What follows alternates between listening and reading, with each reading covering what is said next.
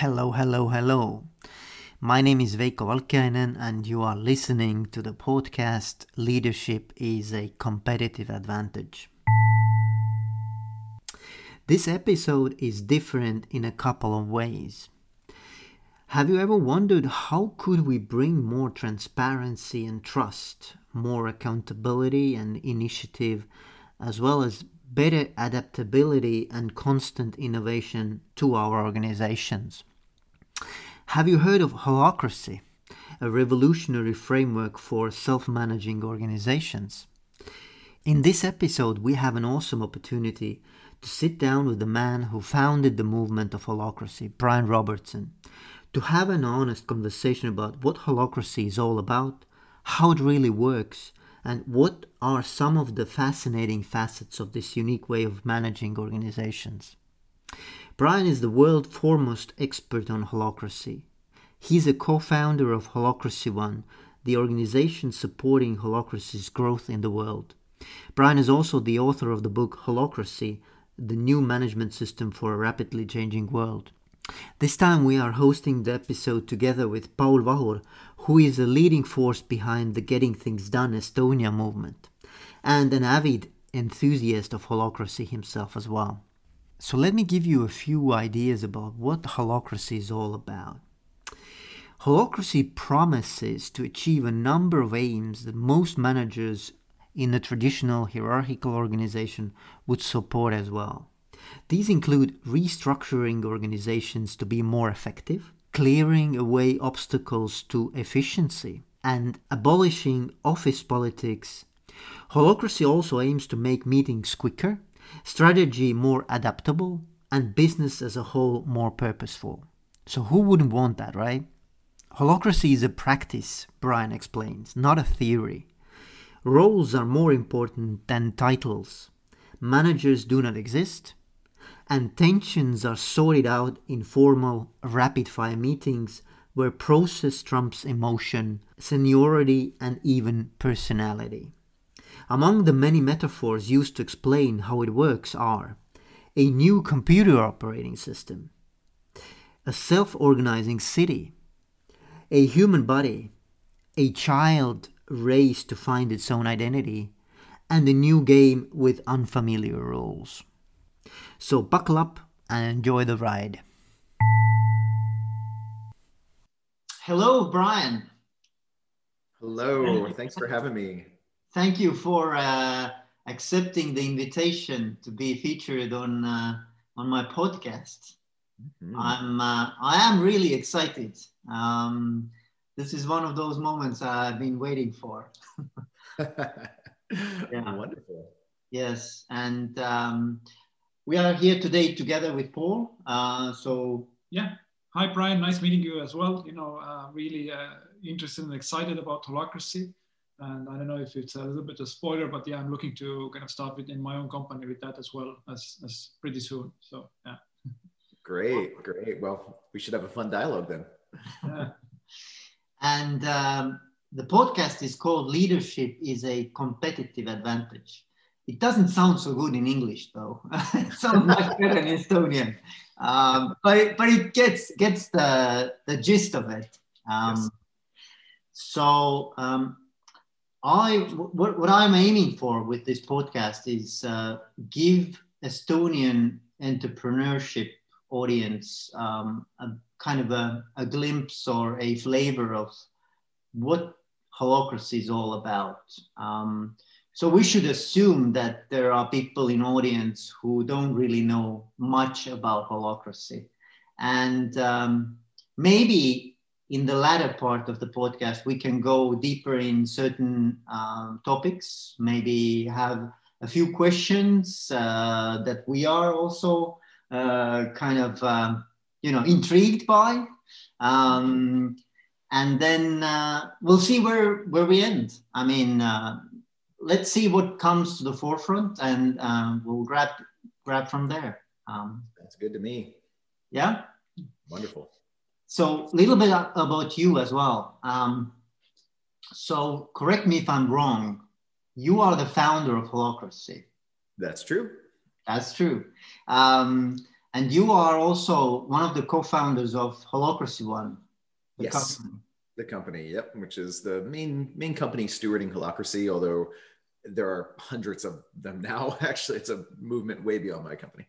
Yeah, yeah, and uh, and you've also written a book uh, about holacracy, which, by the way, we were thinking. I don't know if we can already you know, publicly speak about this, but we would love to actually um, go about translating it also in, into Estonian. Um, oh, that'd be wonderful. Which would be awesome, I think. Yeah. Um, what else, Paul? Help me out here. Yeah, so uh, maybe maybe kind of maybe a little history regards to you know your story of when when did you start to experiment with holacracy and then you know how long have you been doing this? Yeah. Yeah, so I'm I'm an entrepreneur as well. It's uh, my my favorite podcast to do are ones where I get to speak to an audience that are in business building uh, an entrepreneurial uh, venture of some sort. It's um, near and dear to my heart. I, I, sometimes get accused by by the press of being like a, a management uh, theory guy or a management guru or something, and and that always like kind of hurts. I'm not a, not an academic. I'm not a theory guy. I'm an entrepreneur. I'm a company builder. Um, that's my background. And I started that quite young. Um, I started my, my first businesses back when I was literally still a kid. Um, and my first, though, like more sizable business uh, that, that turned out to do very well was a software company. My background's in, in software. And I started that about 20 years ago now. But uh, I, I, guess unlike most entrepreneurs at the time, I, I couldn't figure out what I was passionate about, like specifically, but I really wanted to build a company. Uh, but I didn't have any specific product in mind or whatever. Um, but I was passionate about one thing in particular, which is how we work together. I, had been in other companies and they all left me feeling like there's got to be a better way. Um, I had I, I, felt the bureaucracy, the just how hard it was to drive change, uh, how uh, it, not only were the companies I had experienced not adaptable, it was almost like they were built to resist change and I was in a world that seemed like it needed the exact opposite of that.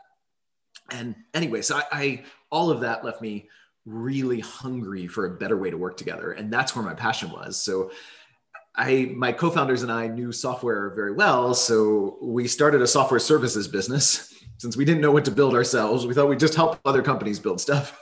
we, we did an outsourced software development business.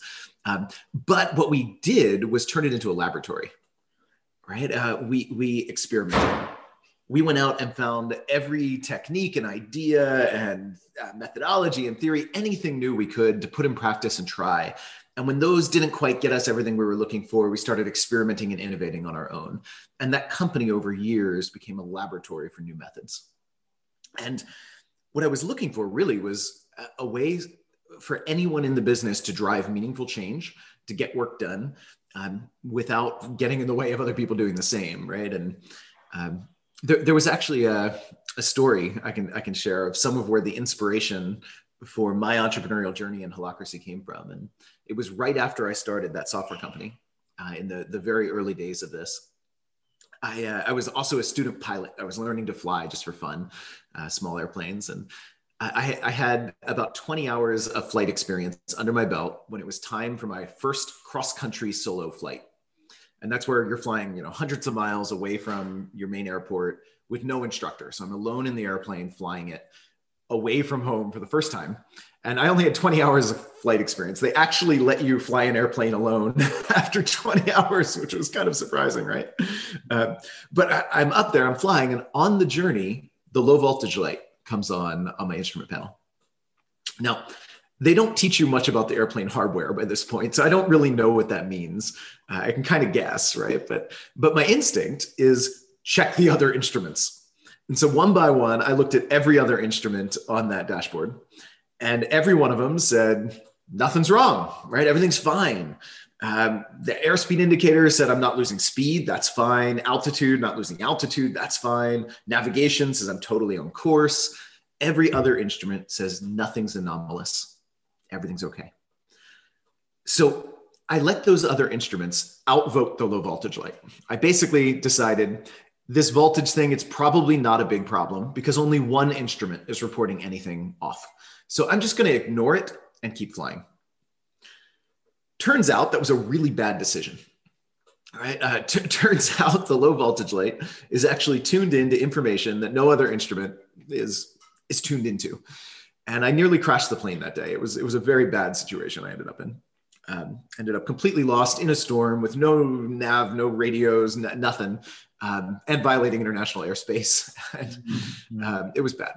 Uh, but I, I, did make it down. And as I'm reflecting, I realize this is what's happening in companies all the time, even my own at this point, right? We, we humans become the instruments, we're the sensors, right? We sense the organization's reality. And often, when one lone person senses something that no one else does, they find it incredibly difficult to change the flight, to change the path. And even when a, a group senses something, often our systems are built to resist change. You know, and that for me became kind of an inspirational story. I, I guess near death experiences tend to do that, but um, I, w- I was pretty terrified. But I, after this, as I, I'm reflecting, I realized I want to build a company where anything sensed by anyone, anywhere in the business, can drive meaningful change rapidly and reliably. How do I build that organization? And I had no idea, but that's what the laboratory was for. That's what the experimentation was for. Holacracy was the result of years and years and years of experimenting and building a completely new kind of organizational operating system to allow that kind of adaptability. Yeah. So, so it's it's interesting. You have compared to um, holacracy to um, to a kind of an organization of a city, right? Yeah, yeah. You can think of. There's actually some research around this. Uh, as cities get larger, the innovation per resident goes up. They get more innovative right? And which companies do you know that that seems to be true for, right? Generally, there was actually more research on this. As companies get larger, the average innovation from the company goes down, not up. The innovation per per employee, um, they get less innovative, more bureaucratic, more stuck, right? And yet cities are different, and and why? And I think that's because cities allow far more self-organization and creativity you know to, to live your life in a city you don't need to figure out what the local baron wants of you. You're not in a feudal empire. You don't need to align with their orders and commands. We don't have resources directed in this top down way. We have a framework, we have regulations and laws, we have a, a framework for how we can work together cooperatively within which you have a lot of freedom. You can locally adapt, you can figure out how to live your life, what to do today, how you can add the most value. And it's not total freedom, there's constraints in that system, but you have a lot more freedom to locally respond and adapt. And the challenge is how do we get that in a company without losing the alignment we need? Because we don't need that kind of alignment in a city, but a company we're going in the same direction. We better be. We need we need some kind of aligned uh, efforts. And and yet, if we lose the self organization of a city, we've just lost the source of innovation and creativity. You know, um, and and even if we look at the modern way companies are built, that kind of arose with the industrial age. that the modern management hierarchy, the, the main methodology for management today, was built in a time where the primary need was for control, right? The primary need was standardization to get consistent standard results? And, and control for that. It wasn't built in a time where the primary need was adaptability, creativity, and innovation. And we're in an age today that I think needs far more creativity and innovation mm-hmm. than we were in the age past, but we're still using the technology for management that was built for a different problem. Yeah, the speed of change has gone up tremendously. That's yeah. true. That's true. Um, I was wondering, like, like we cannot probably go through all of the principles of, of holacracy, but what in your opinion, are the kind of a, a, core, maybe all of them, of course, are core principles, but but if you would have to choose, let's say, three principles, mm-hmm. then, then then which one you would like describe first? Yeah. Um, so I, I, guess to hit just kind of high level, what is holacracy, right? Yeah. Um, it's a different framework for how to organize from management hierarchy, and it doesn't use a management hierarchy right? So companies running with holacracy, once they've fully adopted this, which can take some time, it's not an overnight change, but once you get there, there's no longer managers and subordinates. There's no command hierarchy of top-down managers anymore. And that's that said, I think people have to get a misconception with that. That when I'm saying there's no management hierarchy, no managers, they think I'm saying there's no structure. And that's not true. There's actually more structure, not less. It's just a much more adaptable structure that's more flexible and that we get to differently. We don't have top down managers putting in place structure. We have every team with a disciplined process for figuring out its own structure and adapting it. Right. So there's still structure. The other thing people think is that I'm saying that there's no leadership, right? Or, or there's no management. And that's actually the opposite. There is management, just without managers. And there's more leadership, not less. The goal of holacracy is to make sure everyone in that organization has the power to lead their role, to be a CEO of their roles in this organization. Right? We want to get enough structure, enough clarity throughout that organization so everyone knows what power they have. So they don't need to call the meetings and socialize and make group, group decisions, which is incredibly inefficient. Right? We want everyone to have the power to autocratically lead their piece and to know where the boundaries are. Right, to know when they do need to go talk to someone else or check in with someone or, or get someone else's you know buy-in or whatever in most companies today, we don't have clarity. We don't know where the boundaries are. And if you don't know where your limits are, you don't know where your freedom is, you know? So one of the major goals of holacracy is by using a different structure of the management hierarchy, how do we create more clarity? So people know the, the limits and they know the freedom. They know what they can't do and they know what they can do without talking to anyone. They know how to lead, where their boundaries are. And then from there to, to give them that authority to say, go lead within this area, within these boundaries, lead your role. So the structure to get there is very different. Uh, it's much more organic. It's it's um, it's kind of like I, I, my favorite metaphor uh, is the human body, right? In the human body, we have trillions of cells working together, and they're aligned, right? When I go for a jog, my whole system kicks into high gear, right? Heart beats faster, gets more blood through there. My lungs are getting more oxygen in, you know, my everything's moving in, in, in, in harmony. And yet we don't have a CEO cell telling the others what to do. There's no top-down command hierarchy of cells bossing around other cells. We see this in nature all the time. Command hierarchy doesn't scale well when complexity increases. Mm-hmm. It scales well when you're in a simple static environment where you don't have complexity. But when you have complexity, which you do in nature, nature doesn't use top down command hierarchy. What it does is give every cell autonomy. Every cell has its job to do. There's no cell that reaches in and organizes the other cells. Every cell is a self organized entity. And yet it's also part of a bigger system. It's part of an organ, for example. And the organ's job is not to boss around the cells. Right? The cells have autonomy, so the organ can integrate that autonomy. It can take the different types of cells and build a higher order function, right? which itself is just part of a larger system. And, and there's autonomy at every level, and yet there's alignment and integration at the higher levels. That's the structure holacracy uses. It's called a holarchy. It's the root of the word holacracy. Right? That's the structure holacracy uses. It's the same structure nature uses.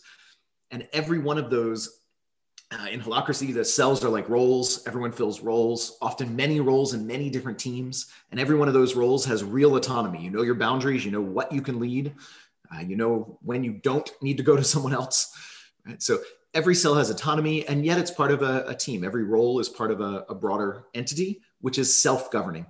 Every team in holacracy has a governance process where it can actually update its structure, change its roles, define its processes. And it's doing that from real experience working together. So it's iterating on its structure. Right? And that's happening in every team throughout the organization. So anyway, I'll stop there. That's that's at least a, I hope a, a bit You could talk forever, yeah. Um, so so what, what's really interesting is that if I'm, I'm trying to put myself into the shoes of, uh, of someone who's, who's listening to us and thinking, oh, Brian, um, doesn't this create more complexity than, than, than, than just saying like autocratically or let's say not even autocratically but hierarchically where you have to run or which which direction we have to go?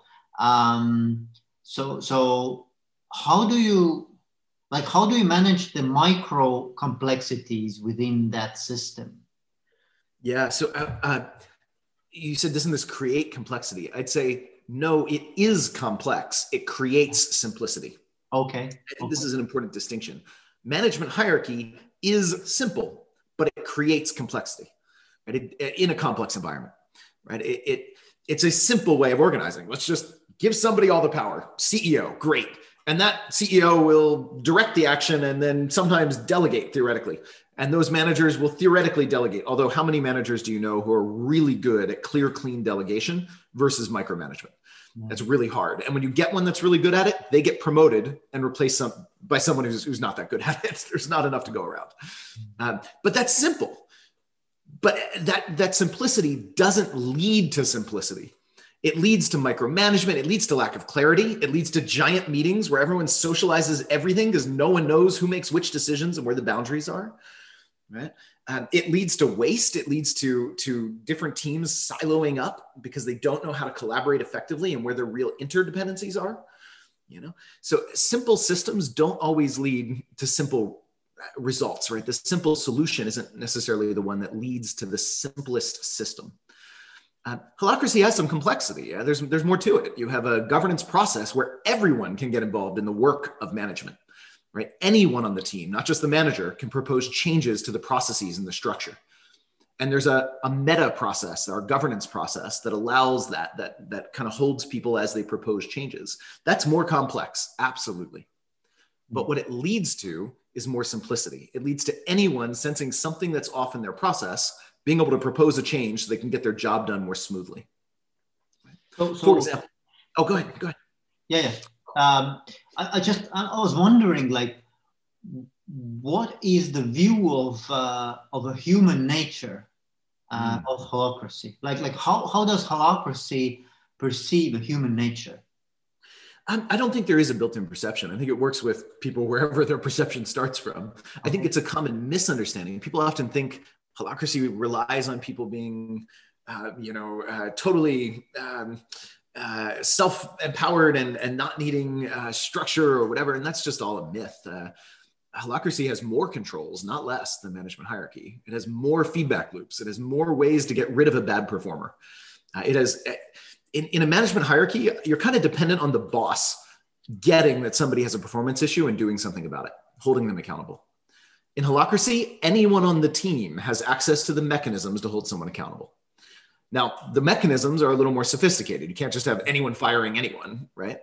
Um, but in my company, we have a process where anyone really can hold others accountable and do regularly, um, even to the point of calling for a process to consider getting rid of someone if that's needed. Right? You still need to fire people. Holacracy doesn't change that. You still have performance problems, but at the same time, I think a lot of what we see as performance problems are not, they're system problems. A lot of what we think are somebody's screwing up really is there's a process that's off. And any reasonable person in that person's shoes might do the same thing, right? Mm-hmm. Or there's a, a lack of alignment on our expectations. Sometimes one person's expecting something that someone else isn't understanding they're expecting.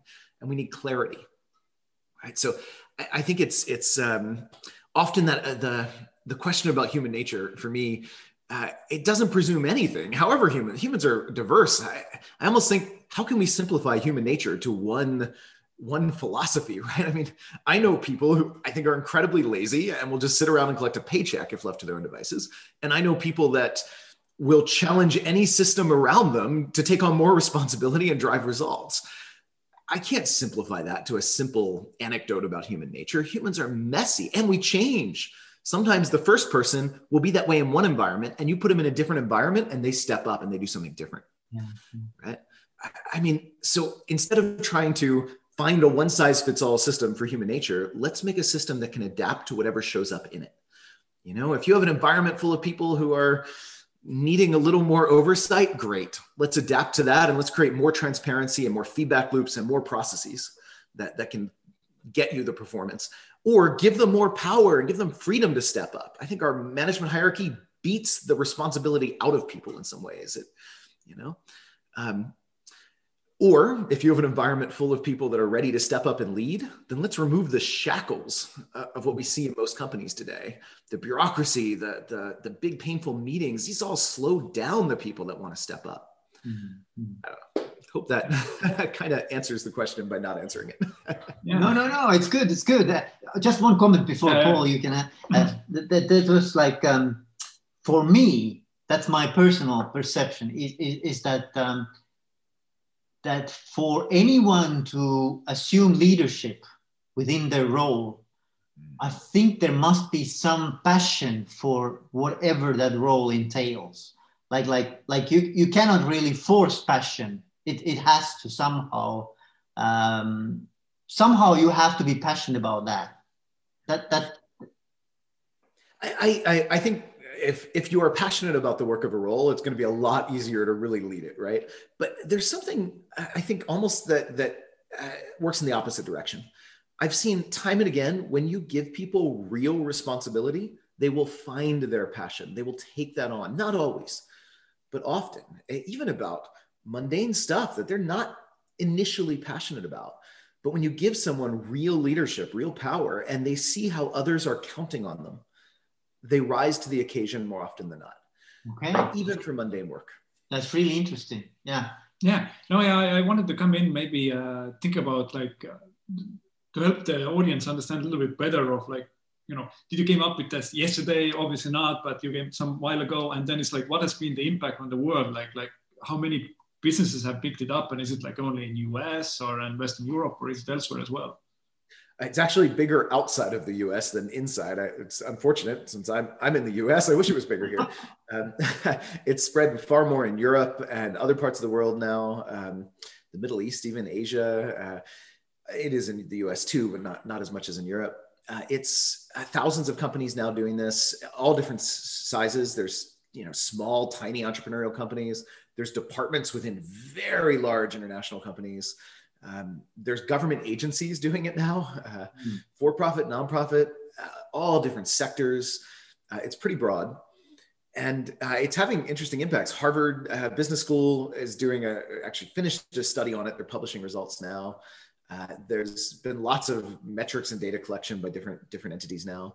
Um, and I, I, I, can speak more to some of that. It's the results are, are beautiful and fascinating, and um, yeah, it's it's it's definitely having an impact. Yeah, that would be interesting to hear. Absolutely, that would be interesting because one of the things I'm um, currently considering is uh, is to do my doctoral work on holacracy as well. Um, so, so within the management studies, um, and if I would you know, if, if, if there's something that um, would give a, a better context or, or some extra information about that would be awesome. Yeah. So one of the results that the Harvard Business School researchers found that I found it interesting um, in uh, uh, one of the companies they did a pretty exhaustive study on, they found that um, the individual workers in the company that before holacracy were good performers generally that had you know generally were, were their peers and and managers thought of them as good performers. Those people got way better. Uh, the perception of their performance skyrocketed. And the perception of the performance from people who generally were viewed as poor performers before actually got worse. And I actually think this is an amazing result from a, a business leader perspective. I want my poor, poor performers to be horrible because if they're just slightly poor, they can hide. Mm. And that's what happens in management hierarchy all the time, mm. right? I want my poor performers to either get better or to get worse. So we see it, we can't ignore it, it's obvious, and we can figure out what to do about that, right? Mm. And that's exactly what happened. The poor performers stood out. It was more obvious that these folks were in either the wrong job for them or they, they didn't have the skills or whatever it is and that's not to say they should always go away. Sometimes they're just in the wrong work or they need training or they need help or whatever.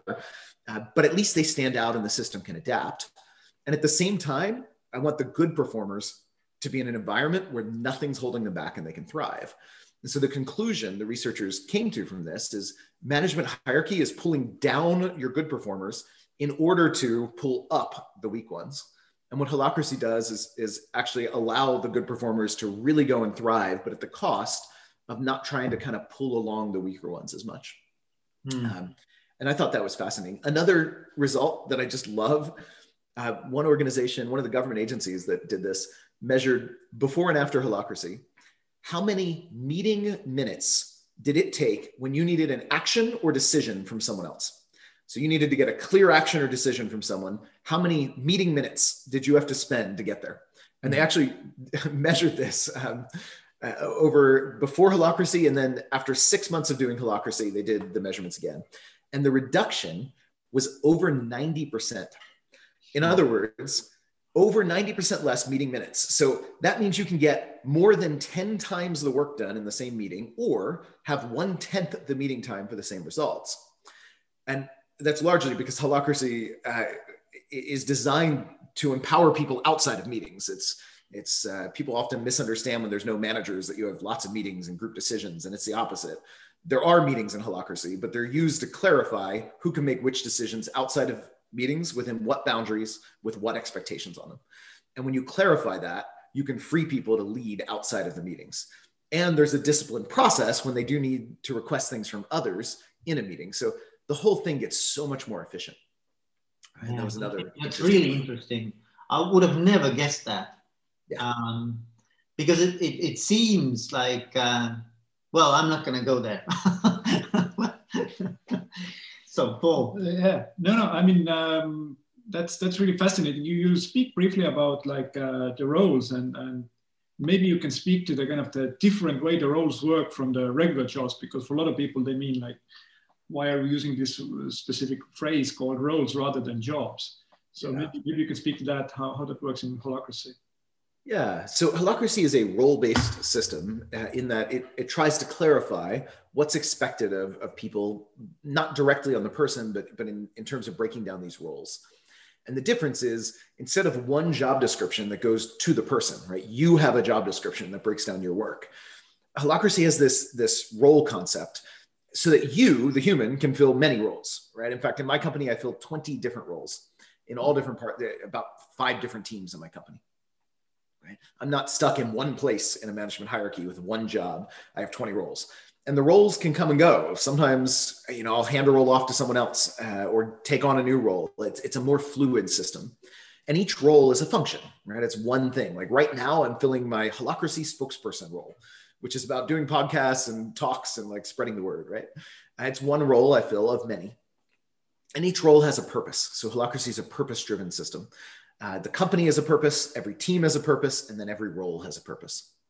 And then every role has some expectations. So I know what others can expect of me in this role.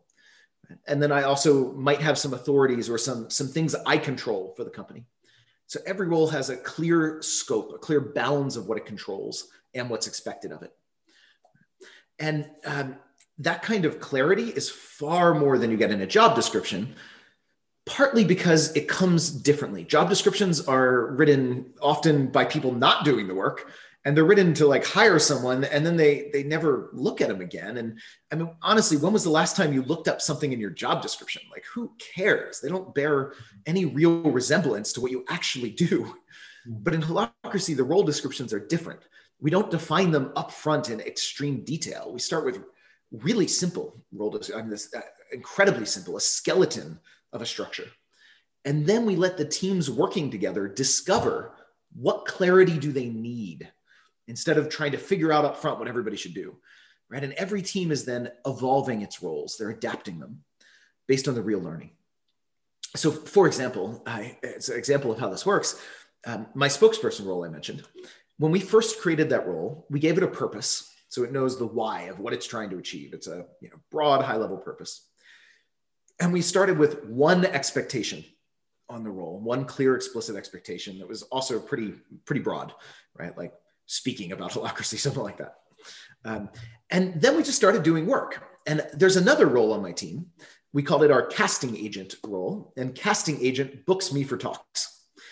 And so when we get invites to speak at conferences, we get a lot of those. They go to casting agent, and the casting agent role filler looks through and, and often will negotiate with the conference organizer build a relationship, you know, talk about terms, price, whatever. And then at the end of that whole process, our casting agent would present me the opportunity and say, Hey, I've negotiated this. Here's the talk. And sometimes I would shoot it down. I'd say, Nope, I'm not going to go to that. It's the wrong market or it's not big enough or whatever. Now, imagine if you were in this casting agent role, how that might feel. You've built a relationship, negotiated, spent a lot of time, and at the end of your process, it gets shut down, right? That sucked. So, that to me is a sign of we need clarity of the expectations between this role. Something is off in the process there. That's that's waste. So what actually happened? Our casting agent role filler uh, went to our governance meeting. Every team does this. Uh, it's there's a team, our marketing team, that my role and her role were both in. Right? So she shows up in our, our governance process and she proposes adding an expectation onto my role. She says, I want to be able to count on the spokesperson role uh, for documenting the criteria that I'm going to use for assessing when to accept or reject an opportunity. She said, if I could see that criteria, I could assess it myself at the beginning of the process and I wouldn't get shot down all the time at the end. And there's a structured discipline meeting process for that. It took two minutes to add that expectation on my role. Mm. Two minutes later, we had a clear expectation on my role. And then after the meeting, she could turn to me and say, So, when do you think you'll have that done for me by? Give me, give me an estimate. Uh, that's how expectations get added. But the interesting footnote of this story I'm the founder of the company and a pretty seasoned CEO, and she was our newest hire right out of college. Mm-hmm. In what companies do you know where the newest hire right out of college in two minutes can add an expectation onto the founder and then turn to him and hold him accountable and say, When do you think you'll have that done for me by? Right? One. Yeah. yeah, exactly. And that's because it's not about the politics. It's and we have a, a, process. It's about the roles. It's about getting clarity. What do these two roles need for the broader purpose we serve together? Yeah, and actually, that changes the entire dynamic. Yeah, this is really interesting. I mean, one question comes to mind that you, as, as the kind of the founder of the company and founder of Holacracy, how, how did it feel to you? I mean, was, was it surprising or? oh no, I love it. Right? I mean, I, that's what what entrepreneur doesn't want their their company to be more self leading. Right? I, I don't want to have to make all the decisions, solve all the problems. I want others solving problems. That's why I hire them. It drives me nuts as a, a former CEO when people would come to me and defer their power to me they'd often come to me and say, you know, what do you want me to do about this problem or whatever? And and half the time I'd, I'd say, I want you to figure that out. That's why I hired you.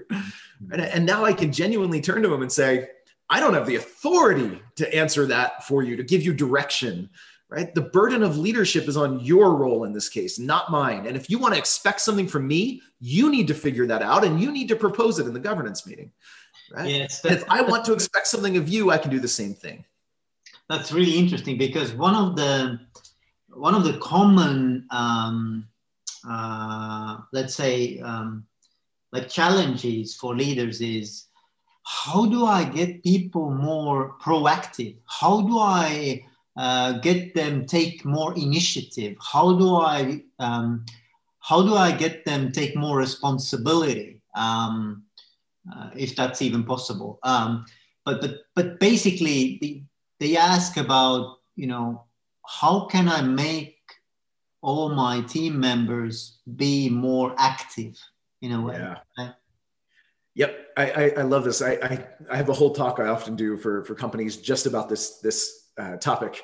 Uh, because there's a fundamental irony in the question, right? How do you empower others? How do you get them to be more empowered, take more action?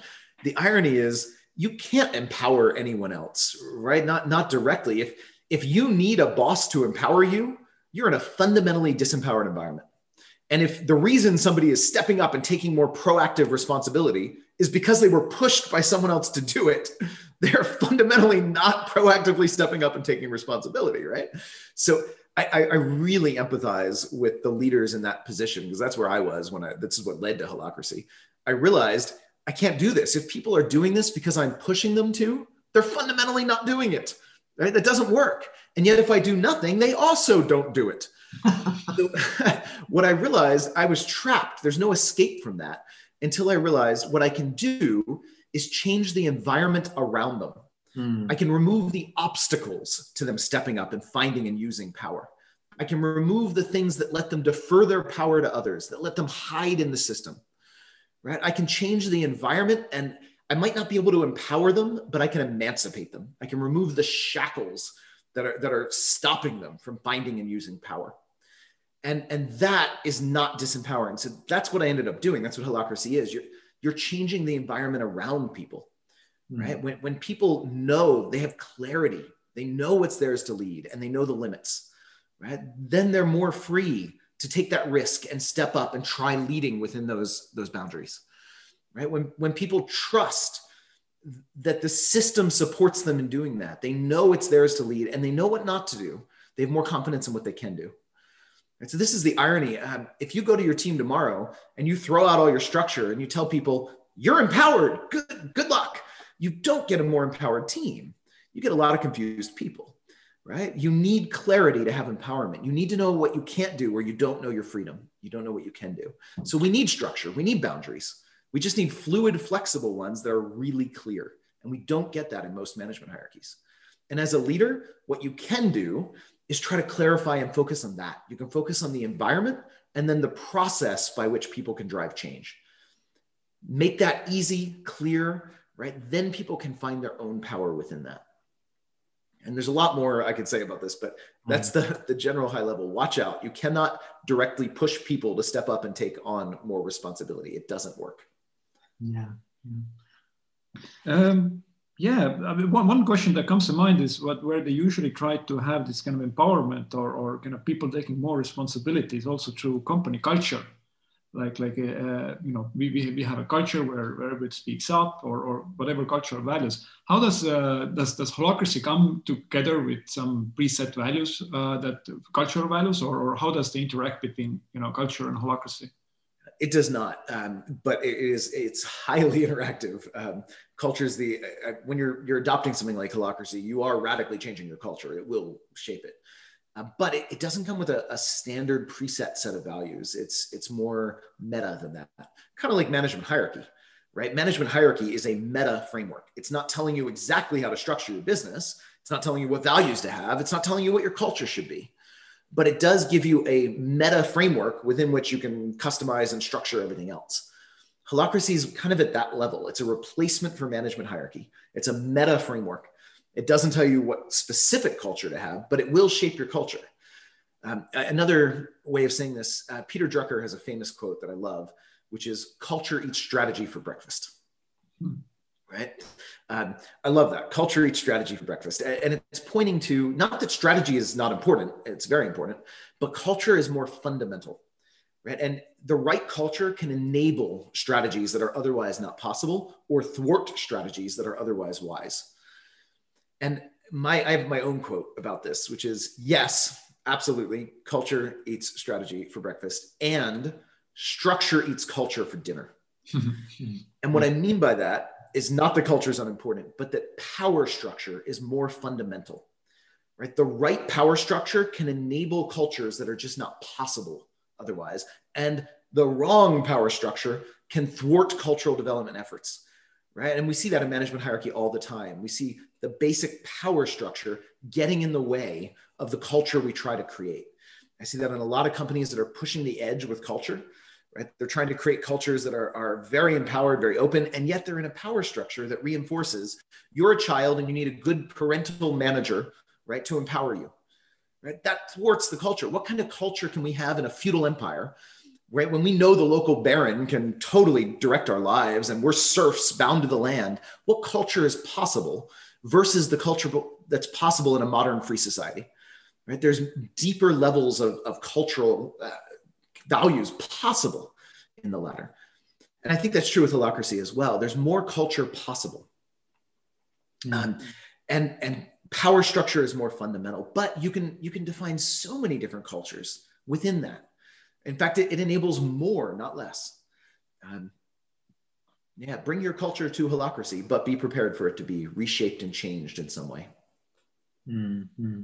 I was wondering uh, has there been any um, either studies or your own experience around um, uh, engagement?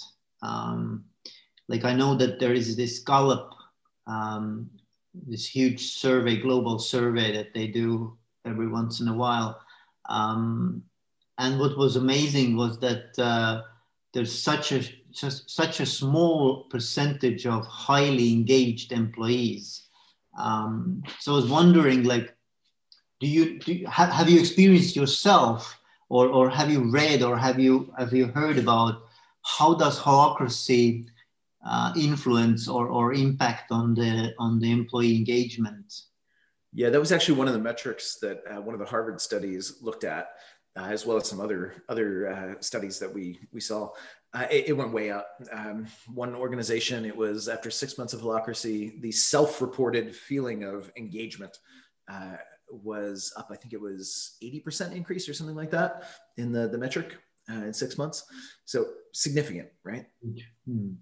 Um, yeah, it's, it's, and, and I'm not surprised. It's, I think a lot of efforts to get more engagement are almost surface. Um, you know, you're, you're pushing people to get them more engaged or maybe trying to kind of make things more fun or inspire. But holacracy works at a much deeper level. It's giving people more autonomy. It's giving people more power and it's making more clear the purpose of their work, the why. And I think that's how you get down to deep engagement. That's how, you know, more than just pushing people or or trying to do a little cheerleading session. When you just give people real responsibility, real autonomy, and clarity of purpose, engagement kind of kind of naturally emerges for most people, not all but most people that'll just show up. Yeah, because one of my questions was also about um, the Daniel Pink's um, uh, the, the framework he used in in the in the Drive in, in the book called Drive. Um, I, I, believe it's self-determination theory. I, I guess it, it is. Um, and, and there are three uh, variables like autonomy, purpose. What was the third Mastery. one? Mastery. Yeah. Yep. So, so what you were describing is exactly basically that. Yeah. yeah. Perfectly lined. Yeah. Yeah. Yeah. Drive is uh, definitely one of the best selling selling points for Holacracy. if, you, if you bought into that, Holacracy delivers exactly what he points to. Awesome. Awesome. Awesome. Um, you know, we are talking about in the leadership blog here, so so we have a lot of leaders listening to that, and then people in the in the you know uh, CEO position or or, or in managerial position, and uh, for them, you know, it kind of might sound exciting one hand holacracy but on the other hand it might also sounds a little bit scary because it's kind of hey you're not needed anymore or you know maybe the question would be what what what what usually happens when organization switches over to holacracy how what, what happened to the role of you know people who are ceo like yourself for example yeah. what's, what's the difference uh, I'm, I'm freed from being a manager and allowed to be more entrepreneurial. Uh, it, mm. it basically I mean, what do you want? Do you want a, a, company with a bunch of managers that are just coordinating work of others and trying to solve problems for others? Or do you want everyone solving their own problems, leading their own piece, coordinating themselves what they need for their work so that your people with more wisdom and more experience, which are often your managers, are free to go build, to be more entrepreneurial? Um, that to me is the, the potential of this. It's not about getting rid of those people. They often have more wisdom. They often have more they bring.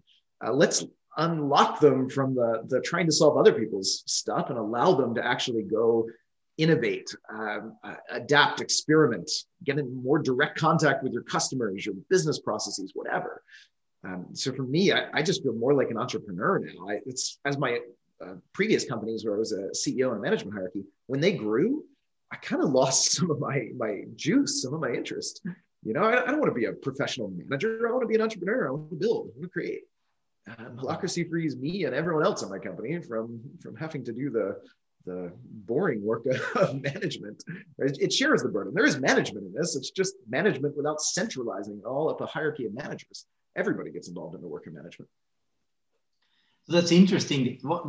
Some of the um, CEOs who are also owners of, of the companies, uh, when I ask them, you know, what, what's the kind of a ideal um, end goal of your you know role or company or, or how, how do you see the ideal future right and what they say is that uh, i would love to reduce the companies or, or the team's uh, dependency on me yep. so i would be more more like hands off uh, enjoy the um, the journey from you know not not going away but at the same time having some you know less active role in in uh, leading the company. I, I, hear that all the time. Uh, one of our clients uh, was he's a founder, entrepreneur, CEO. Uh, he had been building his company for seven years before he bought or before he brought in Holacracy, and he uh, he told me in seven years he had not been able to take a real vacation comfortably right? He, he, had he hadn't, and when he tried, he was on his cell phone, his laptop all the time, right? He said after Holacracy was brought in, he took his first real vacation, two weeks off the grid, no cell phone, hiking in mountains, two weeks off the grid, easily. Didn't worry about it, didn't stress because he knew his business could run without him. Before he left, he looked at his roles, he handed them off to different people. He trusted all the clarity was there. People were leading their own parts. Even his roles could be temporarily held by others, and he disappeared, and it was fine. And uh, listening to him tell that story, uh, that's where my heart goes as a, you know, I've been in his shoes. It's, I just felt the relief, you know, like I mean, he's an entrepreneur, he loves his company, but he was also a prisoner to it, you know, like he, he didn't want to abandon it, but man, at some point you need the kid to get out of the house, you know, he's, he's a parent to this company that, that, you know, he needs a break. And I just, I love hearing the, the, the just relief in his voice uh, about being able to do that. And to me, that's I, I, love working with those entrepreneurs because of that. Um, it's hard to get there in a management hierarchy, really hard. Mm. So one of the questions also we, we we were discussing beforehand was, do you have a sense? Obviously, you have a sense in which market context the holacracy thrives, or is there no difference? Um, and in which organizational setting as well? Like like like do, can can you can you elaborate on that? Yeah. Um, so it's so broad. I mean, it's like asking what are the contexts or environments where management hierarchy thrives or yeah, doesn't work? Yeah. Is there an industry that is good for management hierarchy or yeah, not? Yeah, yeah. It's kind of missing it. Although there is an answer. Um, management hierarchy works well in very static environments where there's a low need for creativity and innovation compared to a very high need for standardization and control, right? Um, that's when management hierarchy thrives. Holacracy thrives when you're in a more dynamic environment, a more complex environment. There's more change, and there's a relatively higher need for uh, creativity and innovation and adaptability compared to control. Not that you don't have control, you do, but where there's more need for creativity than there is in a typical environment where management hierarchy was would thrive. So, um, what industries? Everyone. We see holacracy used. Uh, everything high tech, low tech, retail, manufacturing, service, restaurants, grocery stores. Um, Morningstar. What's that? Is Morningstar also? Um, uh, Morningstar is not using Holacracy, but they are self managed. So Holacracy is a specific framework for self management. Morningstar is using their own custom homegrown approach. Oh. Um, yeah, and, and that's before Holacracy came about. That's what companies had to do. There was no standard framework to get you there. So you had to kind of customize and build your own homegrown approach, which takes at least a decade. Um, and, and it's just hard, right? Holacracy was kind of the first framework, so you didn't have to reinvent the wheel. Um, but it's a similar, similar system. Um, yeah, there's lots of them, uh, lots of companies out there, all different shapes and sizes. Um, it's easier to adopt when you're smaller right? If you're trying to change the entire framework of how you operate and you're 20 people, that's a lot easier than when you're 2000.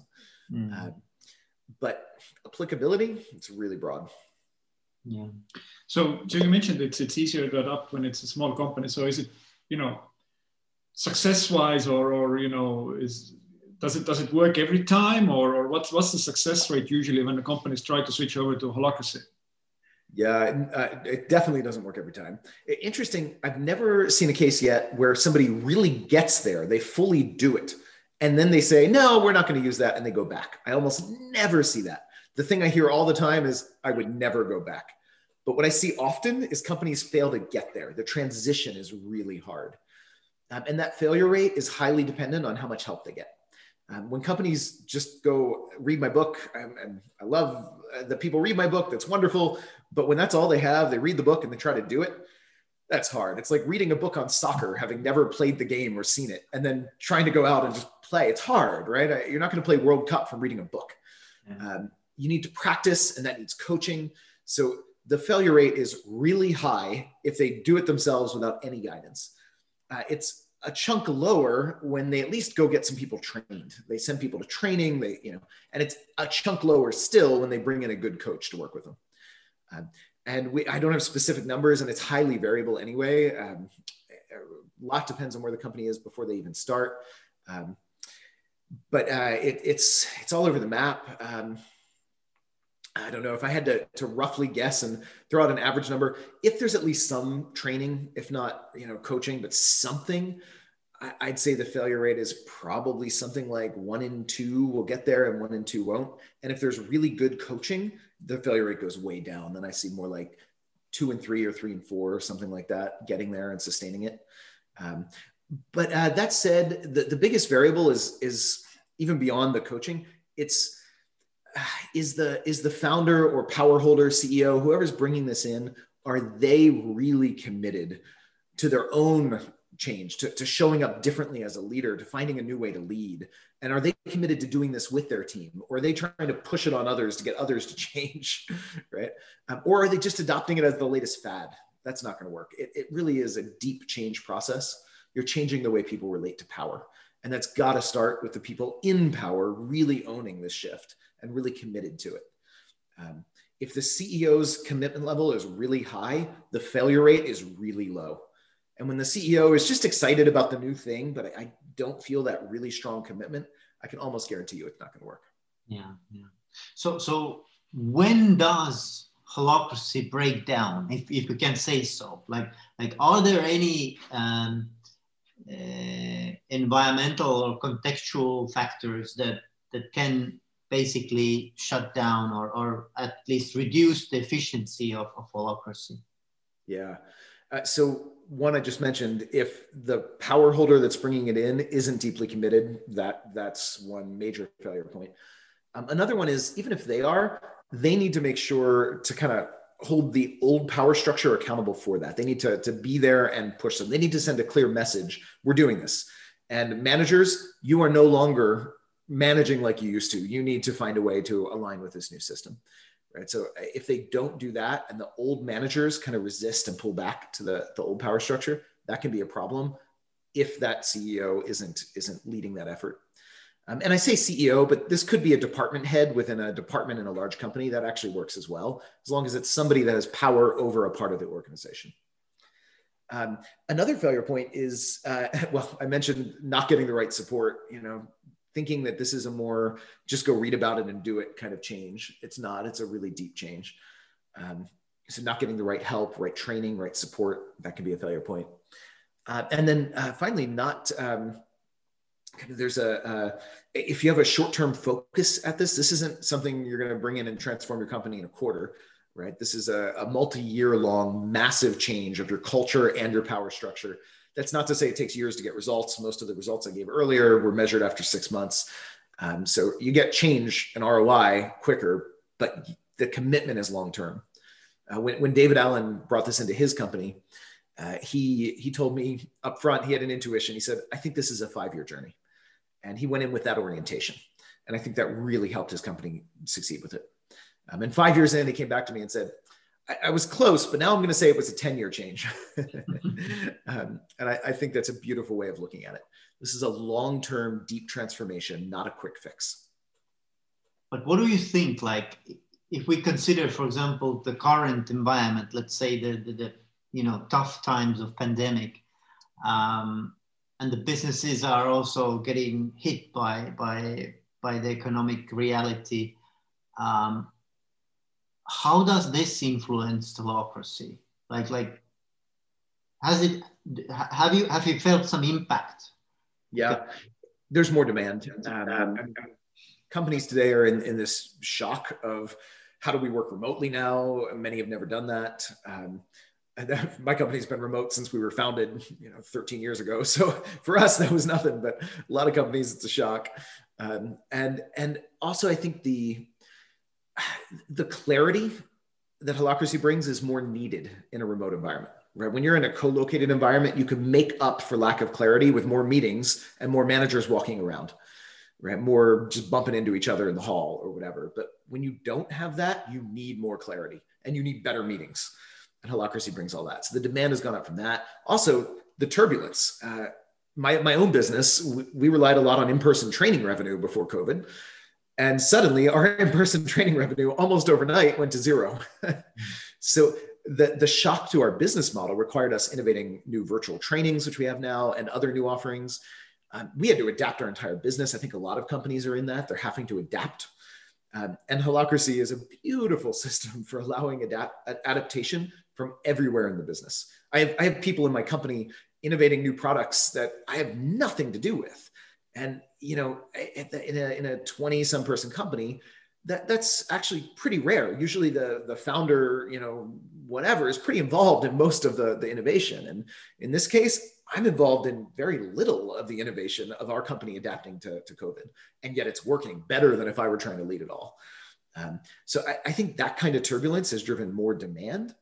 Um, at the same time, there's some companies in crisis, and it's difficult to do a deep change in crisis. So that's one of the contra indicators. If you're in a, I mean, a, like you're facing bankruptcy, things are falling apart, and you need an emergency crisis management, maybe not the time to transform your entire power structure.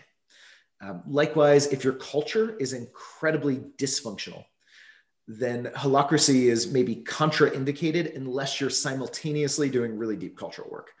Um, if your culture is you know, normal, it doesn't need to be incredible, but if it's a basic, normal, healthy culture, you're fine. But if you have a toxic culture, don't use holacracy to try to solve that.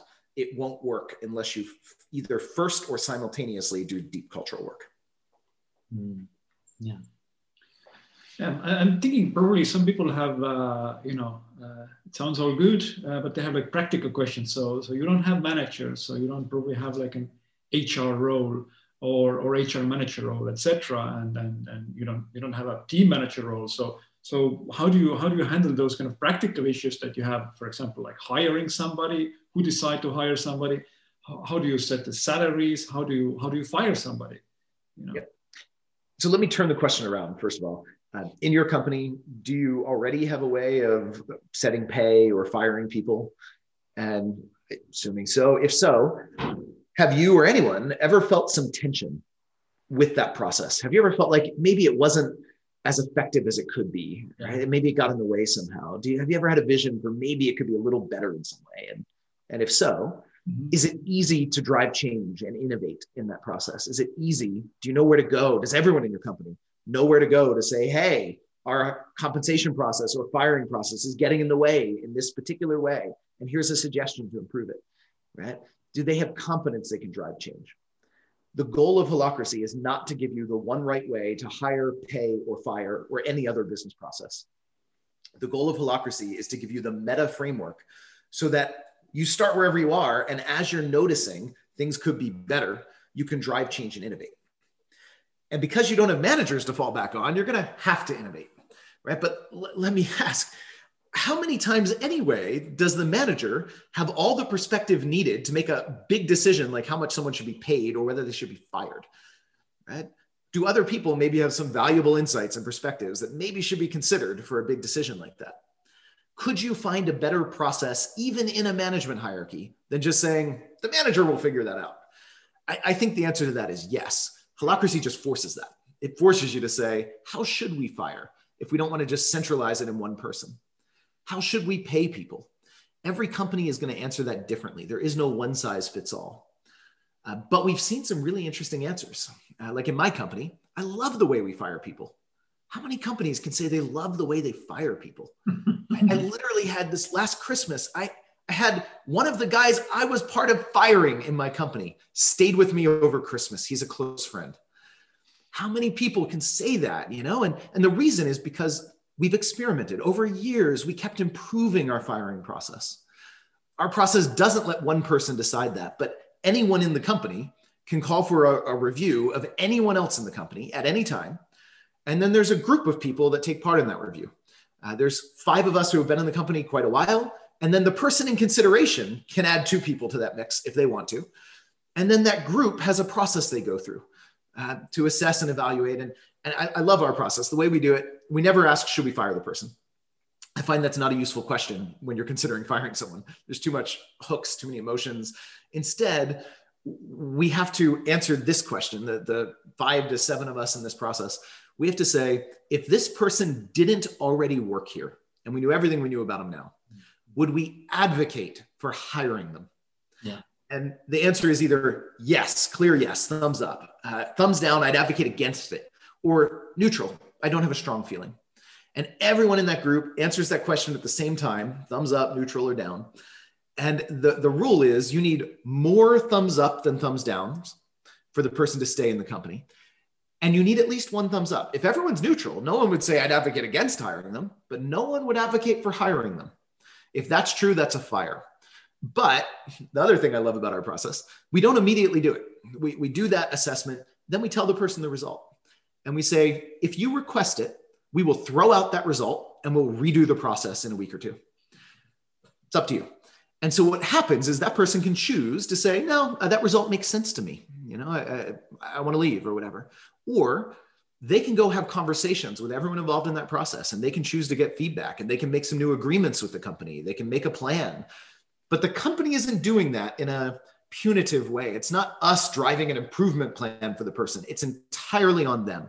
Hmm. Right? They can just accept the result and leave or they can ask us to redo it and if they ask us to redo it, we'll just redo it and probably come up with the same result unless they drive some change. Mm-hmm. So it puts the entire power of it in their hands, right? And, and then they can go have whatever conversations, make whatever changes, and ask us to redo it. And I mean, again, that's not right for every company, but it works beautifully for us. And that process would also work in a management hierarchy, but Holacracy forced us to get more creative and it gave us the meta framework so that we could constantly propose changes and that process evolved over years. I hope that gives a, an example. We have a similar thing for pay and all of the other kind of major business processes you might think of. Mm. But but uh, but then there is this committee or this group who is doing that for the whole company. Yeah, for us that works because we're relatively small yeah. and those people yeah. close yeah. to everyone. You'd have to do it differently in a bigger company. Yeah, yeah. But yeah, absolutely. And and again, the point of holacracy is not to remove power in decisions like that. We don't, we, we need somebody or some group or some process to have the power to fire people. Holacracy is not about reducing power of managers. It's about increasing power of everyone in the system mm-hmm. and empowering processes where one single person isn't enough to hold a decision. Right. So we have a, a firing process that holds power. And then hmm. there are people in roles involved in that process that have power in it. Right? Holacracy makes all of us more powerful, not less. We're not trying to dodge that some people need to make hard decisions.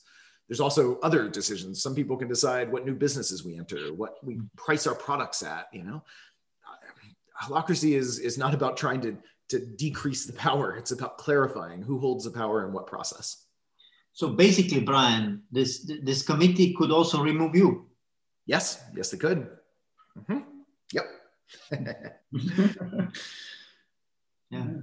Interesting. Uh, this, this actually kind of brings up another kind of question for me is is, is understanding of, of uh, how does uh, how does the holacracy kind of change the or does it change kind of the relationship with uh, with the board or, or like the owners? Like is, is there there's different dynamic does it require that you know the employees are also you know co-owners or or you know, uh, or does it support like one public company doing a holacracy or, or like a single owner, uh, you know, company doing holacracy? Yeah, it's it's actually uh, independent, so it's compatible with any type of equity structure you, you want to use. There are companies doing holacracy that are entirely owned by their founder, and there are companies that are more like co-ops that have total employee ownership and everything in between. Um, it's it's independent. I, personally uh, find that when I have more of the people working in the company having some stake and skin in the game, I think that has a really positive result. Doesn't mean we all need to have an equal stake in my company.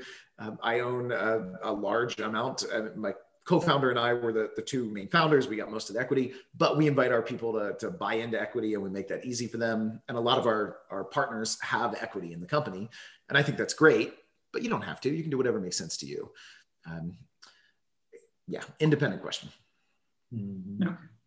Uh, other question is quite interesting. So, so uh, your, your, your company it puts out uh, software uh, which, which kind of helps to manage the holacratic system.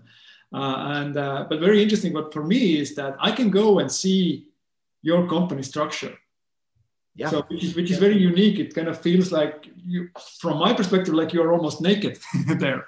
and and is is that just for the kind of the um, to advertise the holacracy, or this this like also you know something that's required of when you do a holacracy? Uh, yeah, no, it, it's uh, it's absolutely not required. Most companies don't make their structure totally public. uh, we do, you know, it makes sense. We want to be a model for this. It's part of our purpose. Some companies do, um, but yeah, it's an option in the software. You can choose to make your data public, or you can choose to keep it thoroughly uh, secure and private.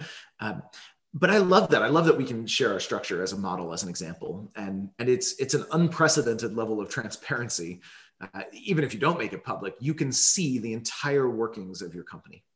I had one uh, founder, uh, a friend of mine, building a fast growth company. It's 100 employees, but growing quickly. And he said what was really remarkable for him, he follows new hires around. And he said on their first day of work at his company, people can reliably find who to go to for any decision or any information they need in the company on their first day of work in a fast growth startup environment. He said in his prior company experience, it would take months for people to be able to reliably know who to go to for what, you know, not their first day of work. And that's because they have this software, right? They have transparency, they have all the roles clear, all the processes clear, and they're real clarity, not job descriptions, which are meaningless. They're updated dynamically as teams learn together. So you really can go in there and find whatever you need pretty, pretty easily. Mm-hmm. How, how do you uh, how do you see the relationship between roles or the let's say the description of the roles and uh, and and OKRs or or let's say um, you know goals or or however you call them? Um, are, are they somehow linked uh, or? Um, yeah well so you would link uh, you typically have any kind of OKR or goals or whatever you have would probably be linked to a role more than a person, right? And that makes it kind of portable if the role is handed off or whatever, and it helps people think in terms of the, the clear structure we have, the expectation structure. Um, but uh, the methodologies themselves are compatible. A lot of companies doing holacracy will use OKR methodology. Some of them use some other methodology. There's there's certainly methodologies that are not compatible. Uh, but I think most of the kind of ones that are built for more adaptable frameworks uh, are nicely compatible with that. Holacracy is working at kind of a different level. Um, it's not not uh, as much about uh, operational goals and objectives, and uh, it's about how do you align with those. What work needs to get done? What expectations do we have of each other? Whatever the objectives are, and however we set them, right? So it, it's kind of neutral there as well, or compatible at least with many many methodologies. But but how, do do you use uh, for role description also objectives or goals? No, uh, the roles are intentionally about the the more ongoing expectation structure. So okay. it's what is the work of this role, not the goals of it, but the ongoing expectations people can expect. So you might have a marketing role accountable for you know, managing advertising and, and updating the website and whatever. It doesn't tell them the specific goals for what to do next with that. It's not about what outcome do we want to achieve in the next month or whatever. It's just about here's where that work lives and here's the things that other roles can expect of them. So it's more about the processes and process flow and, and that kind of structure than it is about the specific goals to achieve now or to work towards now.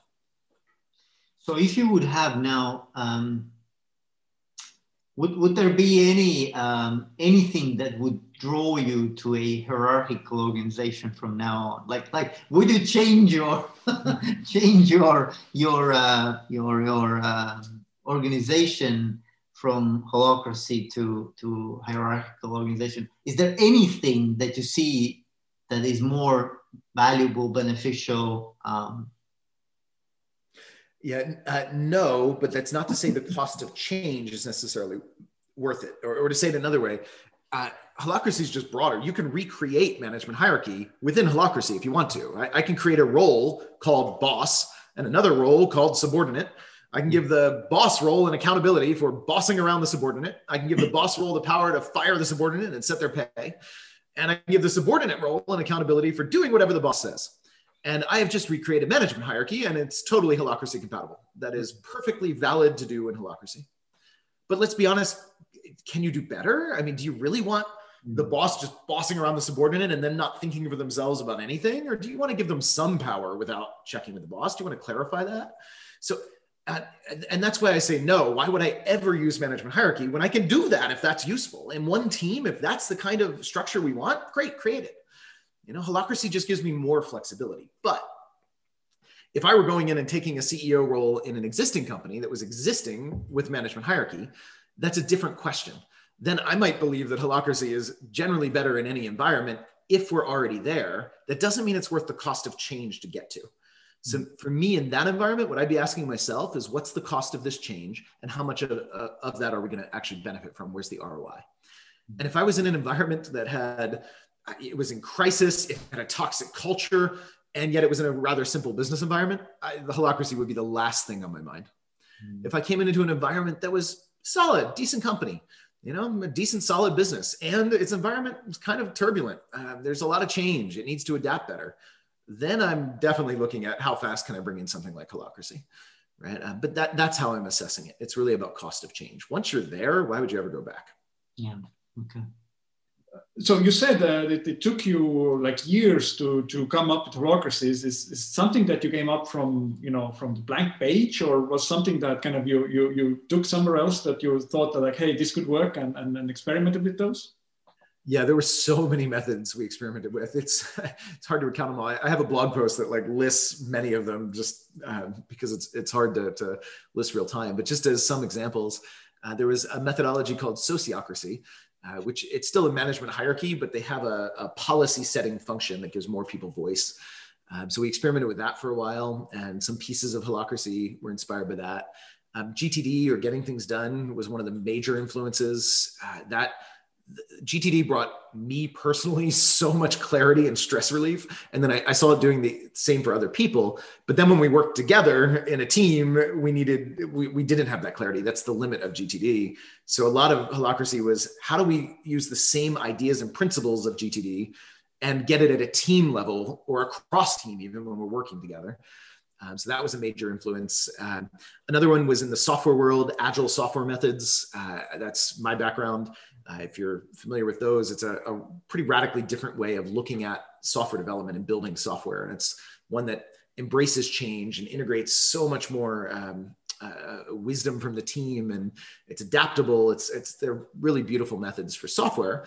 And we use those for building software in my company. But uh, I wanted to know how do I bring those same principles to all of the, the company's operations?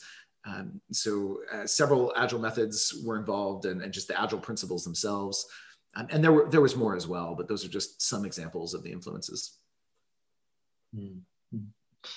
Are you familiar with the, um, the Franklin Covey's um, uh, program called Four Disciplines of Execution? I'm uh, somewhat familiar. That wasn't one of our my main influences. I'm not deeply familiar okay. with it. Uh, but I hear all the time uh, people coming and saying, "Oh, this holacracy thing is so aligned with this model," and and I'm not surprised. I think there's something kind of natural that we're all tuning into in different ways. We're all just trying to sense what's a more natural way to work, right? So I, would be surprised if if people couldn't find something that they've encountered if they stay up to date on management thinking uh, yeah. that seems aligned to this.